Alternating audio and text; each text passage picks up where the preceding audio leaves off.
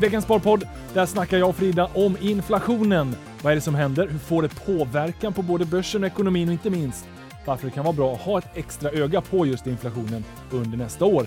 Hur agerar spararna i den här lite lätt turbulenta börshösten? Och inte minst då vad händer på politikens sida och vilka effekter får det för spararfrågor? Allt det här och mycket mer snackar vi om i veckans podd. Nu kör vi igång! Hjärtligt välkomna Sparpodden, ny vecka, nya möjligheter på börsen. Hur är läget med dig Frida? Ja, men det är bara bra tycker jag. Det är kallt ute. Det är jättekallt och elpriset slår i taket. Annars så tycker jag att det är bra. Ja, det, det var den känslan också. Det är måndag den 6 eh, december när vi spelade in det här. Det var otroligt friskt. Friskt, uh, ja. ja. men det är ett sätt att se på det. Tycker jag. Du, det är friskt ute. Elpriserna, vi, vi hoppar in på den direkt. Det är ju uh, alltså rekord. Rekordhöga ja. priser N någonsin, va? Ja, men det är det ju. Eh, och det har ju flera orsaker. Eh, en är ju att så här, vårt elsystem i Sverige är väldigt tätt sammanlänkat med det i Europa och i Europa så är det en tydlig gasbrist framför allt. Man har stängt ner kärnkraft och sen har vind och vattenkraft inte kunnat svara upp. Det, så ser det ut för oss i Sverige så att vädret har inte varit gynnsamt heller ur det perspektivet. Så det är liksom flera olika delar i det här. Men för oss konsumenter så känns det helt enkelt när en dusch kostar ja, vad är det, 30 kronor istället för 3 kronor ungefär. Oj då. Ja, det, man får se till att duscha lite mer sällan. Ja men exakt. Eh, och sen ska man ju, för det där kan man läsa ibland i tidningar att Sverige exporterar el och då kan ju det verka väldigt konstigt. Just eftersom vi har de här pristopparna och det beror på att Sverige har ett elöverskott. Men eh, inte vid vissa tidpunkter. Vid vissa tidpunkter har vi ett underskott samtidigt som många liksom, alltså, det är efterfrågan och utbud. Många ska helt enkelt konsumera mycket el samtidigt. Då får vi ett underskott. Då blir det de här pristopparna. Exakt, och el är ju en sån sak som behöver vara i cirkulation. Det går inte att lagra. Inte, det finns ju batterier och så vidare, men du kan inte lagra batterier för ett helt land. Och vi har mycket produktion i norr, mm. extremt mycket förbrukning i Stockholm, Göteborg, Malmöområdena. Mm. Och det ska överföras och de här ledningarna eller motorvägarna eller vad man ska säga som då ska föra över den här elen, de har väl inte heller fungerat eh, eh, helt bra om man säger så. Nej.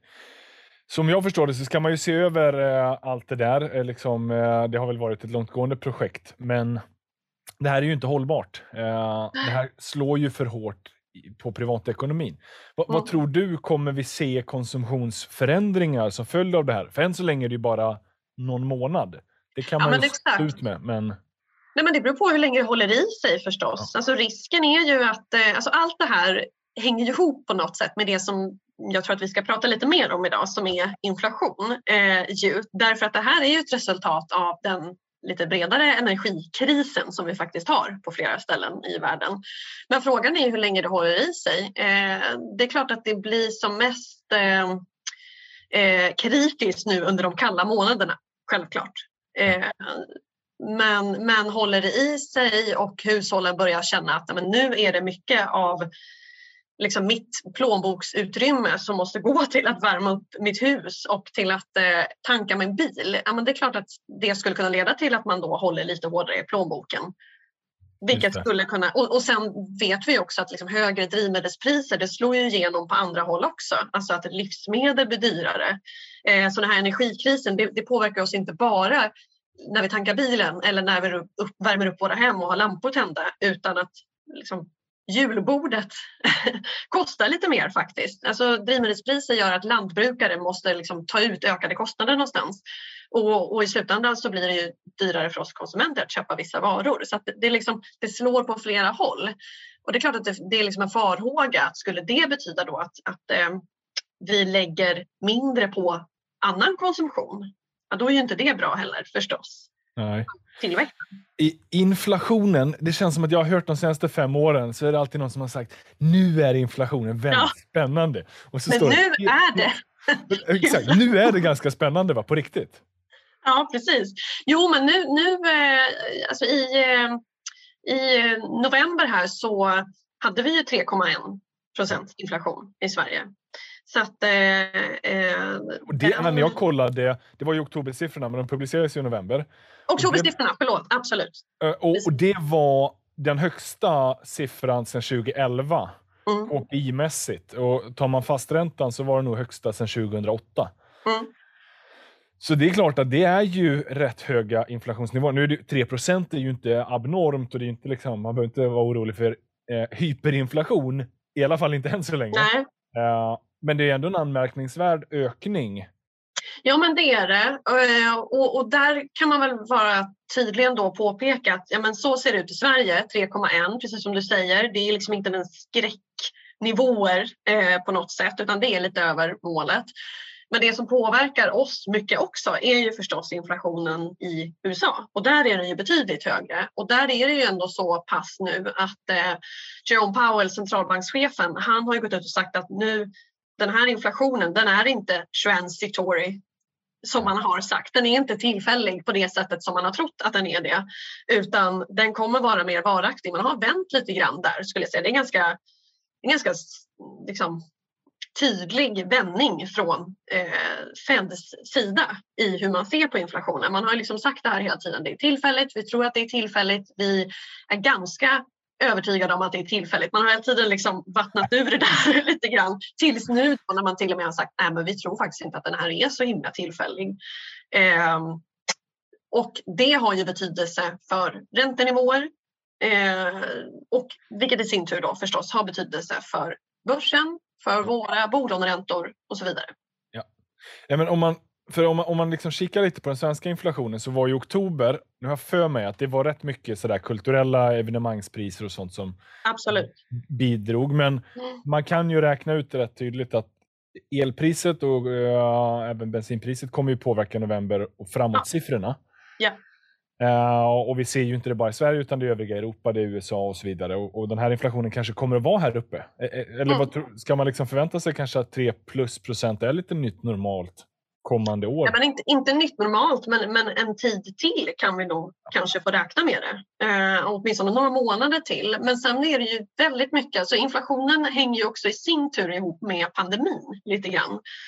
Eh, för på ett sätt så kan man ju se det som att ja, men, eh, om pandemin, om smittspridningen tar fart igen och nya omikron eh, varianten får spridning så att det blir så att samhällen måste stänga ner på ett sätt ja, då skulle det kunna dämpa tillväxten. Å andra sidan, och det här verkar ju faktiskt den amerikanska centralbanken tro mer på, så kan det vara inflationsdrivande om omikron får större spridning. På det sättet att vi får ökade, alltså vi får de här problemen med flaskhalsar och eh, fraktproblem och eh, komponentbrister och alla möjliga sådana effekter som ändå har kommit av pandemin.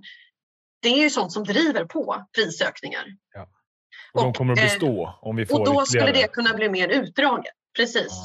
Eh, så att får vi en sån effekt, och som sagt, det, det är det som i alla fall jag tolkar det som att Federal Reserve tror på eftersom man fortsätter att hålla kvar vid den här synen då, lite mer hökaktiga synen eh, trots omikronutbrottet då, så tror jag att det är den effekten man framförallt tar fasta på. Det vill säga att inflationen skulle kunna Ja, det skulle kunna bestå de här stora problemen, vilka i sig är inflationsdrivande. Och blir det så, ja det är klart att då kommer det här pågå ännu lite längre.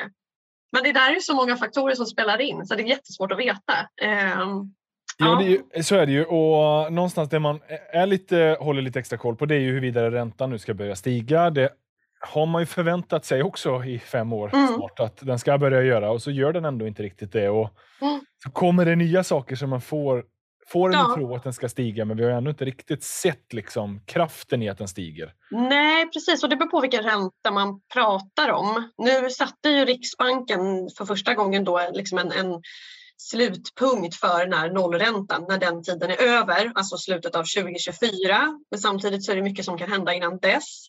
Eh, men vad gäller de amerikanska långräntorna så har ju de börjat falla tillbaka lite grann. Ja. På grund av omikronspridningen, antar jag. Är det- Eh, Det är det jag Och det- tolkar också som. Ja, så det, det är väldigt... ehm, Alltså att man tänker, jag tror att marknaden tänker att ja, nytt virus, nya stimulanser. mm, Nice. precis, precis, och så har vi ju sett det faktiskt under, under de här åren. Att vi har ju lärt oss att tolka att neg- sånt som borde vara negativt egentligen skulle kunna tolkas positivt för börsen. Det har vi, så har vi lärt oss att tänka i det här. Ja. Och Det är möjligt att det fortsätter men det verkar inte så på Jerome Powell utan det verkar ganska tydligt att nu, ja, nu har man eh, vänt här och jag vet inte om det det finns de som spekulerar kring om det skulle kunna bero på att han har ju faktiskt fått förnyat förtroende till en ny, jag vet inte om man kallar det för mandatperiod när det gäller centralbankschefer. Men kan det vara så att han vågar vara lite tydligare i den här frågan nu? Vem vet? Ja, det är eh, sant. Mm. För, för, det var ju en, många ganska förvånade över att han skulle få nytt eh, mm. mandat nu när Biden, för det är Biden som tillsätter honom eller avsätter honom. Uh, men, men det är än en gång den här problematiken med att centralbankerna har målat in sig i ett hörn. Alla mm. sitter och lyssnar på vad de säger, så de måste säga en sak. Men sen så har de ju agerat någonting annat. Och ja. Räntekurvan, prognosen har hela tiden pekat uppåt som den där igelkotten. Men i ja, klassiska igelkotten, ja. Precis. Eh, nej, men, eh, den som lever får se ja. hur det blir nu. Det känns ju extra svårt därför att ingen av, ingen av oss är ju någon eh, expertepidemiolog.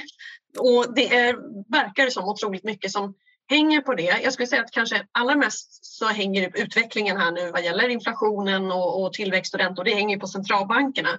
Å andra sidan så vad de gör påverkas ju förstås av pandemin och där är det ju väldigt svårt att säga. Vad är det som händer nu? hur smittsam är omikron? Hur verkar vaccinen? Hur mycket måste stängas ner? Eller har samhällena vant sig vid att leva med det här på ett sätt som vi inte kunde göra våren 2020?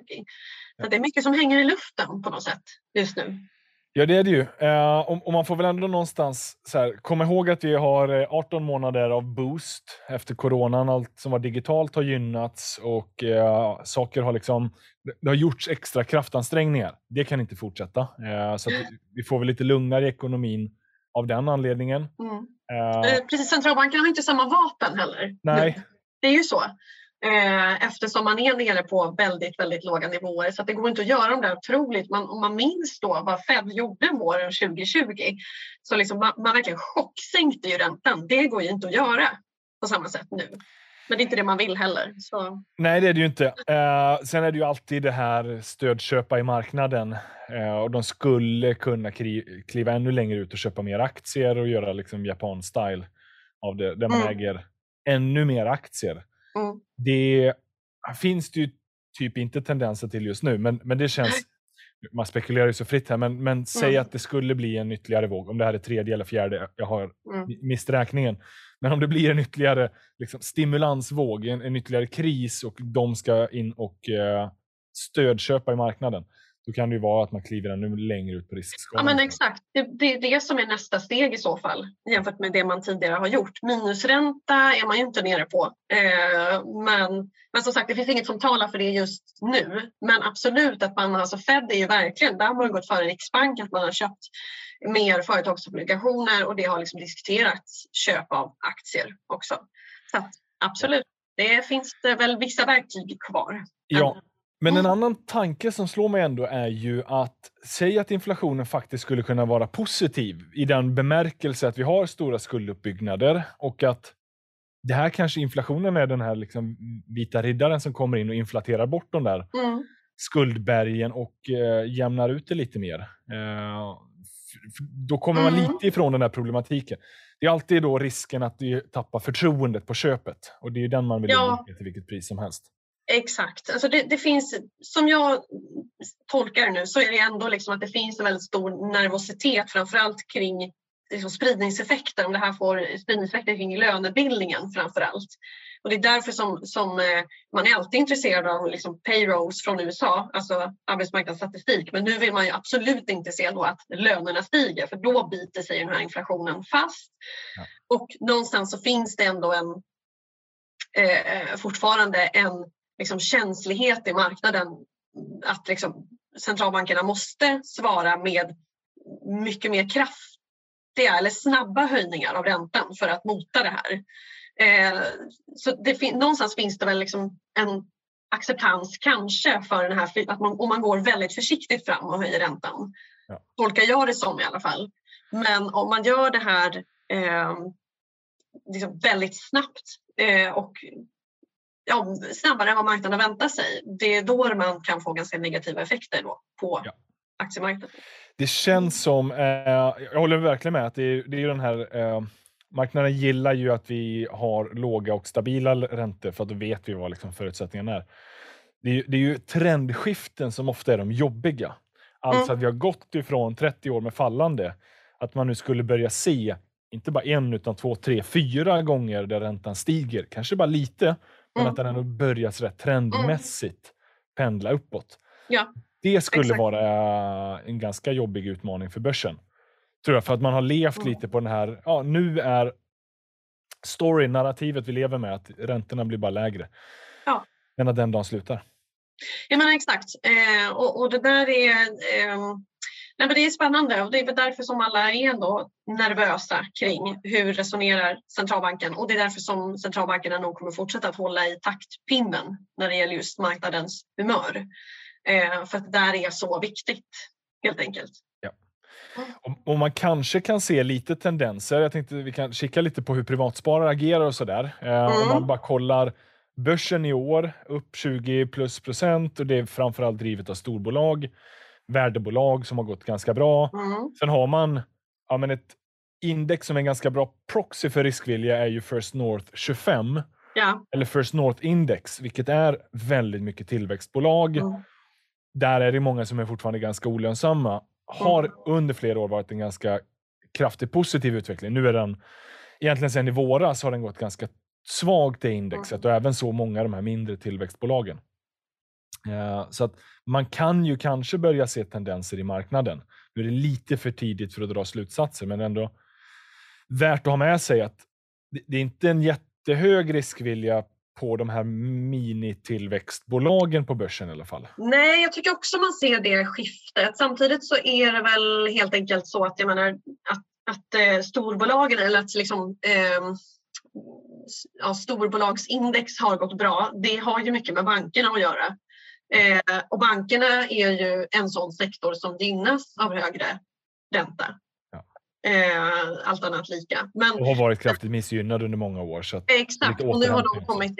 Precis, och, nu, och det är väl ingen som tror att det här är tillväxtraketer precis, utan det är ju bara liksom att ja, men de, deras intjäningsförmåga ökar med högre ränta. Eh, de har börjat, de får dela ut efter eget huvud också igen.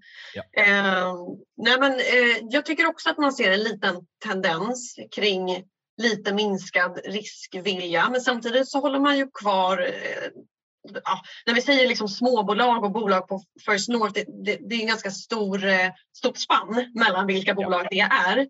Eh, men om man tänker tillväxtbolag generellt så kan man ändå se att det finns, alltså många sparare vill ändå hålla fast vid tillväxtbolag. Eh, vissa av dem i alla fall. Och det är och de, är framförallt de som... de är ju rätt köpta. Eh, nu pratar Ja. vi kanske de större, men typ Evolution, Precis. Embracer, Sinch är väl de aktierna som privatsparare handlar mest just nu. Ja, exakt. Man kan inte se riktigt att, att eh, privatspararna faktiskt har hakat på det här banktåget utan man har hellre valt att eh, liksom, eh, dippköpa i eh, Embracer som har gått knackigt nästan under hela året. Då. Evolution har ju gått bättre men i de här väldigt kraftiga fallen nu senaste, senaste tiden så har man ju också valt att dippköpa där. Sinch också har man valt att köpa, köpa i. Så man, har ju, man vill ju gärna behålla de här eller köpa mer i de här eh, tillväxtfavoriterna kan man väl säga. Och det kanske inte är fel. Man, man, eh, många ser långsiktigt på dem. Eh, det kanske är så nu att vi får ett skifte igen. Alltså hela 2020 har ju, eller 2021 har ju präglats av den här rotationen som vi pratade så mycket om i, i början av året mot värde, eh, verkstad, bank.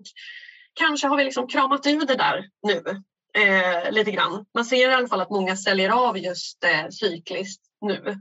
Eh, man kanske tycker att nej, men det, där, det har gått klart nu. Och visst blir det så att det blir nedstängningar igen, nej, men då kanske det är de här lite mer tillväxtorienterade bolagen som blir intressanta igen. Ja, ja de har infrastrukturen och, och har anpassat sig för Ja, den typen av miljö, den mer digitala miljön. ja exakt. Men märker vi på privatsparare hur de agerar? Säljer de också klassisk liksom, industri och sådana där storbolag? Eller? Ja, i november gjorde de det, eh, kunde man se. Och, och som sagt, det kan vara ett uttryck av att det har gått ganska bra. Eh, och, men men liksom man, man kan se att verkstad har tappat fart under hösten. Hösten har ju varit lite sådär upp och ner, men allt som allt då i sidled. Och, och sen så kommer det lite sådär osäkra makroutsikter. Det här var redan innan vi hade omikronlarmet. Eh, så kom det en rapporter om att ja, men nu börjar det gå knackigt i Kina och i USA. Eh, samtidigt som det är många av de här cykliska bolagen som ändå tampas med högre kostnader och då blir det liksom en fråga om vilka, vilka av de här bolagen kan enkelt föra över de här ökade kostnaderna på kund.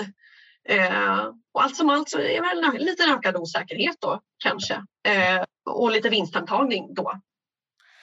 Ja, det är ju fortfarande den här komponentbristen som man har pratat om genom åren, den råder ju fortfarande och framförallt är det ju stora störningar vad gäller globala logistikkedjor. Man ska inte ja. underskatta vilka konsekvenser det får att hela containerfraktsystemet är i princip satt ur spel. Du har eh, innan pandemin så var ju containrar fanns ju överflöd. Mm. Man mm. byggde bostäder och kontorslokaler av liksom container. Nu det, det är ju nästan en bristvara. Mm. Ja, framförallt så, jag förstår det också som att under pandemin och alla lockdowns så liksom fanns containrar, de var liksom på fel ställen. Ja. Det blev liksom en obalans i det där. Eh, och det är klart att det har konsekvenser för fraktpriser, inte minst. Så är det ju. Och att du har de stora rederibolagen, de är inte så många, de är rätt stora och det, det kräver rätt mycket kapitalinvesteringar för att driva det. Mm. Så de sitter på oligopolställningar delvis. Och nu när vi har extremt höga containerfraktpriser, det ligger inte så mycket incitament i dem att försöka effektivisera det mer. Nej. Utan de har märkt att ja, men vi har fortsatt ganska hög beläggning. Mm. De som inte kommer med på våra numera då nominellt färre containrar, mm. ja, de får ta flygfrakterna. Mm. Och där har priserna istället gått upp ja. kraftigt också. Yes. Uh, och sen ja, har oljepriset som stiger och så påverkar det flygbränslet uh, och vilket mm. i sin tur då gör att flygfrakten går upp ännu mer. Ja. Det, det är nästan lite av en perfect storm. Och jag tänkte precis säga det, att det är det som dyker upp. En perfect storm ja. är det verkligen uh, i negativ bemärkelse. Då. Tyvärr är det ju det. Och ofta mm. märker man ju just när det börjar gå lite knackligt att då faller det ytterligare några sådana här saker som kanske inte stått så stabilt men ändå bara har lyckats stå upp. Mm. Och sen har vi ytterligare den här elektrifieringen som pågår, att allting ska elektrifieras och så har vi inte infrastrukturen för el. Nej. Då får man en prischock även på elsidan mm. äh, lokalt. Exakt, det, det och, det, och det var det vi började vårt eh, samtal med. Att, eh, det, det, är väldigt tydligt att, att det är så.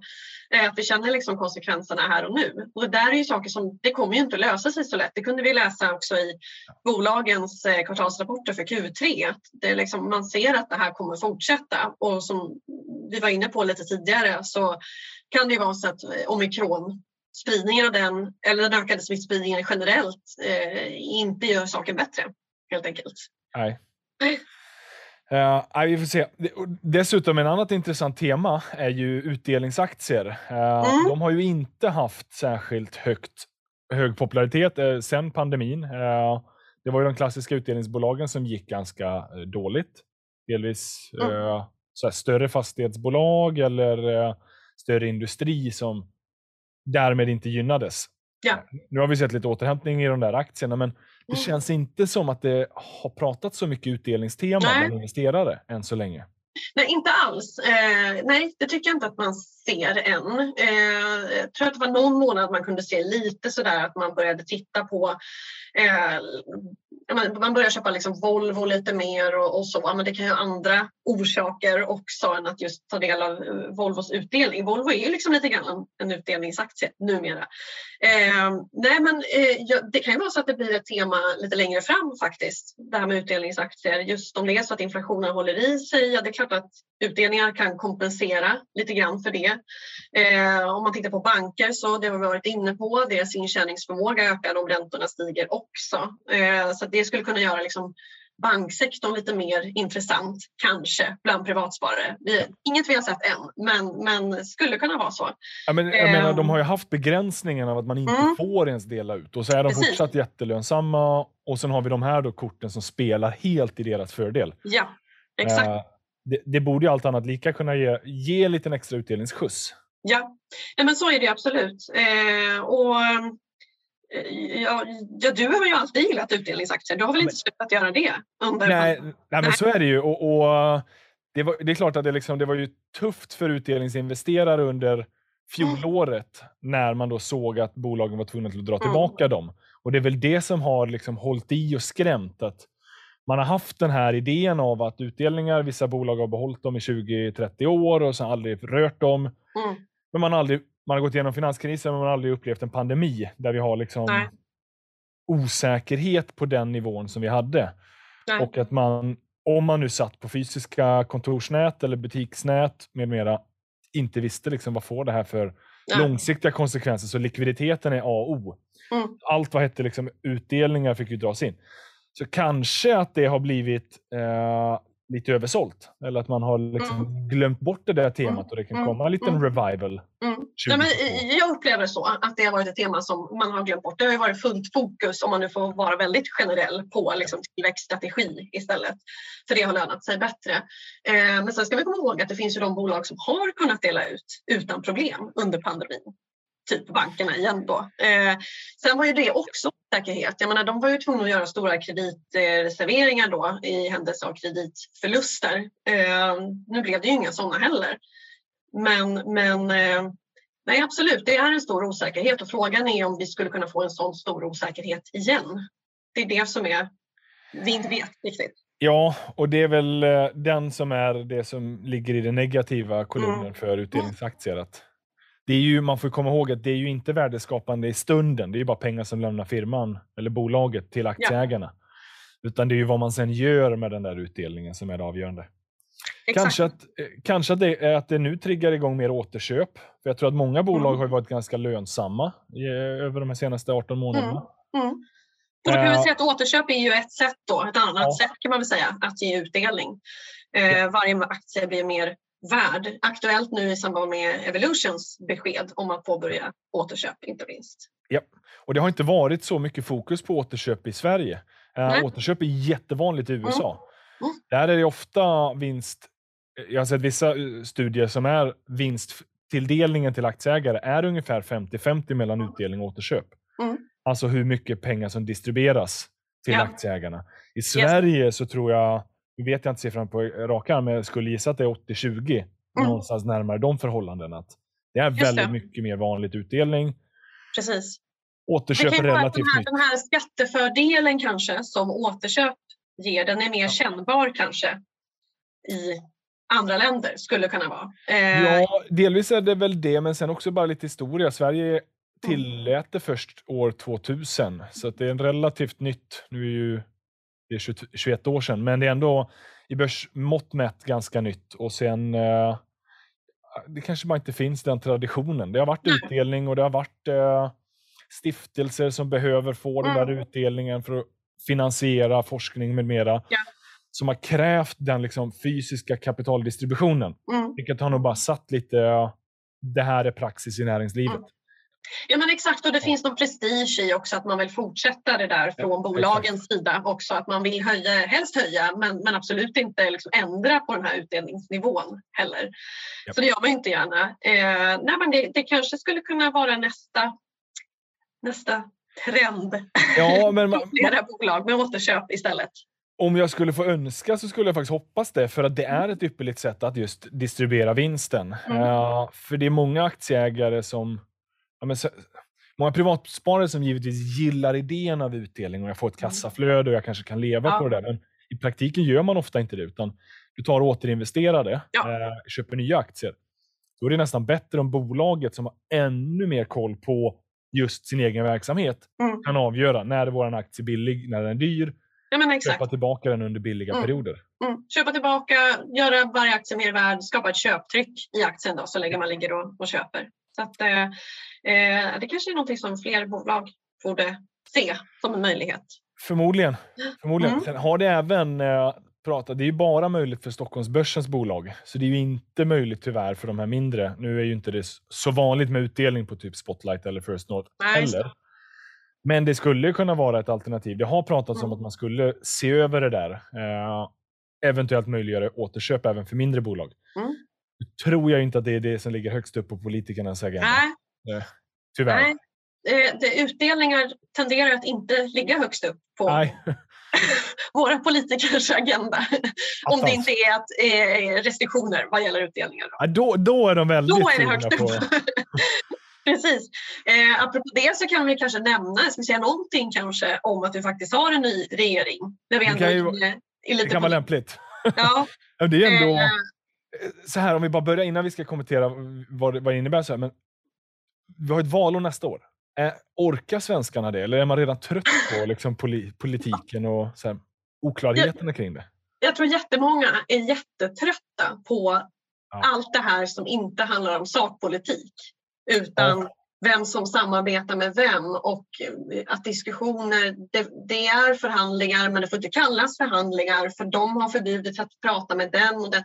Alltså det är väldigt liksom mycket som, jag tror, att det, jag tror absolut att det finns en trötthet eh, ju hos väldigt många. Därför att man, det är klart att sakpolitik är en sak, man vill liksom att det tas bra beslut för Sverige, för svensk ekonomi, eh, svensk välfärd och så vidare. Men det här att det är, ja för, för att citera Stefan Löfven, käbbel. Ja. det var rätt det mycket många är trötta på faktiskt. Eh, och, och det kan jag själv känna lite grann också. Eh, men, men där kan man väl säga då när vi ändå pratade om utdelningar, att det har ju funnits en liten liksom ja, hur ska man säga, ett eh, språkbruk kanske eller en diskurs eller så hos den tidigare regeringen åtminstone om att utdelningar, vad det är för någonting. Och jag tycker man liksom har kunnat liksom läsa lite grann mellan raderna att det har till och med blandats ihop utdelningar och bonusar till ja. ledningspersoner. Alltså det har talats väldigt negativt, eller väldigt negativt om utdelningar som att man inte riktigt förstår utdelningarnas roll i samhällsekonomin, tyvärr. Ja, nu, nu känn, jag får i alla fall känslan, och det är ju bara mitt sätt hur jag ser på det, men att precis, man är emot att det är giriga kapitalister som ska få en vinst. Ja. Det är den, det är den retoriken mm. man vill föra. Det är den retoriken, ja. Precis. Snarare än att sådär, pengar är ju egentligen bara ett verktyg. Pengar ska bara cirkulera, det är då de ja. gör mest nytta. Och det ja, gynnar exakt. arbetare, det gynnar kapitalister, det ja. gynnar samhällsekonomin i stort.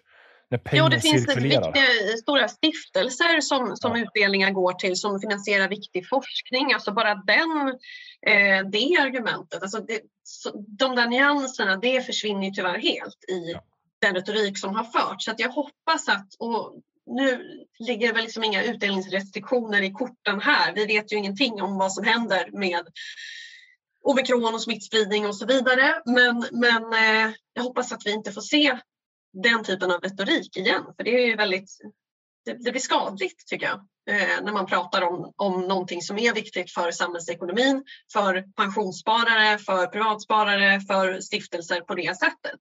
Och jag hoppas att eh, den nya regeringen, då, vi har ju en ny finansmarknadsminister eh, som heter Max Elger. Eh, vi hoppas väl att han har en spararvänlig agenda. Just det. Mm. Uh, och, och, och, ska vi säga lite då, för det är ju en ny regering på plats. Vi är äntligen Sveriges första kvinnliga statsminister. Men nu har vi en regering bara i åtta månader fram tills att det är ett nytt val. Så vad, vad ska man tro liksom? Det är inte några jättestora förändringar som bör ligga i korten eller? Nej, det är det ju inte, utan nu är det snarare positionering inför eh, valhösten här. Eh, inte jättestora förändringar utan eh, det som kanske intresserar lyssnarna av den här podden kan ju vara kanske eventuella förändringar på ISK som vi ju vet att Socialdemokraterna har diskuterat internt. Ja. Det är ju ingenting som kommer komma innan valet utan där eh, gick ju inte partistyrelsen med på eller vill i alla fall inte gå vidare med ett konkret förslag på tak på ISK eh, nu. Nu, att, men tror du att det kan vara en valfråga kanske för att positionera sig mer vänsterut? Nej, det är det jag tror att det inte blir. Ah, jag okay. tror inte att det blir en valfråga. Jag tror att man... Eh, eh det är så pass brett man får stänga det. Ja, det, man mötte för, för, stora protester. Alltså det är ett för impopulärt förslag. Så jag tror inte att det blir en valfråga utan i så fall är det någonting, om man nu skulle vinna, så skulle det eventuellt kanske då vara någonting som man kanske återkommer till. Så jag tror att ISK är fredat, åtminstone nästa år. Fantastiskt! Yes. och på riktigt så tror jag verkligen att det beror på att det verkligen blev så stora protester och så stor ilska. Eh, och det har vi dig att tacka för Frida. Ja, inte bara jag utan eh, det stora engagemanget förstås bland ja. sparare som verkligen skrev på. Vi startade ju en, eh, ett upprop, Rör inte vårt sparande, som samlade 40 000 underskrifter på bara en vecka. Och det visar ju liksom att det här väckte ilska bland, tror jag säkert, Socialdemokraternas egna väljare också. Så att jag tror inte att det här är någonting som vi kommer att se. Det kommer inte bli valfråga utan i så fall någonting man återkommer till. Men då ska man också ha liksom parlamentariskt stöd från andra partier. Och då är det Vänsterpartiet som också tycker det här. Men sen vet jag inte hur lätt man har att hitta stöd någon annanstans. Kan det Nej, men, eh, den insatsen du gjorde för att samla engagemanget, den har ju uppenbarligen gett eh, en effekt och det är vi ju otroligt tacksamma för. En annan stor insats du har varit med och drivit är ju pensionsfrågan också. Va, vad händer där? För där har vi ju sett att det nu är billigare att flytta pensioner, mm. men vi har fortfarande begränsningar tillbaka till 2027. Mm. Och sen har, har det ju tisslats om att man ska se över det där och fixa även tidigare pensioner. Men, men mm. stannar sånt upp nu eller vad tror vi? Nej, det tror jag inte. Utan eh, det tror jag är ett arbete som, som fortgår. Det är inte heller någon, någon eh, hur ska man säga, partipolitisk stridsfråga det här om att utvidga flytträtten som det ju handlar om. Det vill säga vi har en lagstadgad flytträtt från pensioner som är eh, tecknade efter 2007 kan man säga och så vill man ju ge den här lagstadgade flytträtten då även för de som tecknade före det. Men det är liksom inte en partipolitisk stridsfråga så det arbetet tror jag kommer att fortsätta och nu har ju det föreslagits då en utvidgad flytträtt och det finns eh, Ja, det finns ju de, de, spelare som skulle förlora på det, de är emot det. Det var ju ingen högoddsare kanske. Eh, men det finns liksom en, en, en menar så här, Finansinspektionen har kommit med en rapport som, som liksom är väldigt visar på att konsekvenserna skulle bli stora för de här bolagen som skulle förlora på det. Men för alla andra så innebär det liksom ett ökat konsumentskydd egentligen. Så det finns liksom ett stöd. Jag tror att det kommer att hända och jag hoppas det. Eh, och i så fall så kommer det ju under nästa år tror jag förslaget ligger på nu. Wow. Så det är liksom en lagrådsremiss som har blivit. Det har varit på remissrunda och sådär. Så att eh, det är på rull tror jag. Det vore ju väldigt trevligt. Va, va, jag för mig att det är liksom så här våren man brukar komma ut med uppdateringar kring sånt. Eller har vi någon känsla för? Jag är ingen expert på hur de där politiska remiss... Jag tror att det finns ett, ett, datum fastslaget när man tänker sig. Det är inte årsskiftet utan någon gång under nästa år. Jag har det faktiskt inte i huvudet just nu. Ah, okay. Okay. Eh, men det, det, är ju liksom alltid sådana politiska processer som ska det ska, gå, det ska godkännas av lagrådet och det ska bli en, en, eh, ja, ett, ett, eh, formellt förslag från regeringen som riksdagen ska ta ställning till och så vidare. Ja, just det. Ja, mm. man kan vara som lyssnare bombsäker på att vi kommer att hålla er uppdaterade i frågan. Och Absolut. Vi kommer att kämpa för att det ska bli ännu enklare. Yes. Både enklare att flytta och billigare att flytta och ge mer spararmöjligheter. Det ja. vi det är det vi brinner för. Det är det vi brinner för, så är det. Men du, eh, det är en eh, minst sagt intressant börsår vi har framför oss. Det är både ja. val, det är både inflation som ligger och spökar. Vi får se vad som händer med den nya covid-utvecklingen, om det leder till ytterligare stimulanser eller om vi har tagit oss igenom det här en gång för alla. Mm. Mm.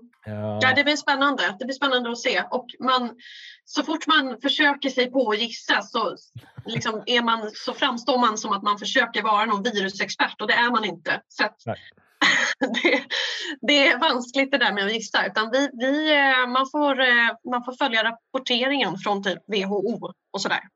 Det får man göra eh, och ta sina vacciner när de kommer. Och ja.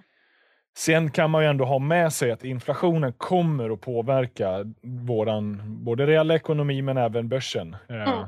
På vilket sätt än så länge är väl det som är det, det som är oklart, men, men att den är högre och att den håller på att stiga, det kan vi konstatera. Och Absolut. Det är nog bra att ha ett extra öga på framöver. Mm. Det tror jag med. Frida, alltid fantastiskt roligt att podda med dig. Även om vi inte kunde ses uh, fysiskt. Men uh, du får ha det så bra så hörs och ses vi framöver. Det gör vi. Ha det bra. Och till er lyssnare, tack som alltid att ni hänger med oss och vi ses och hörs igen nästa vecka. Ciao!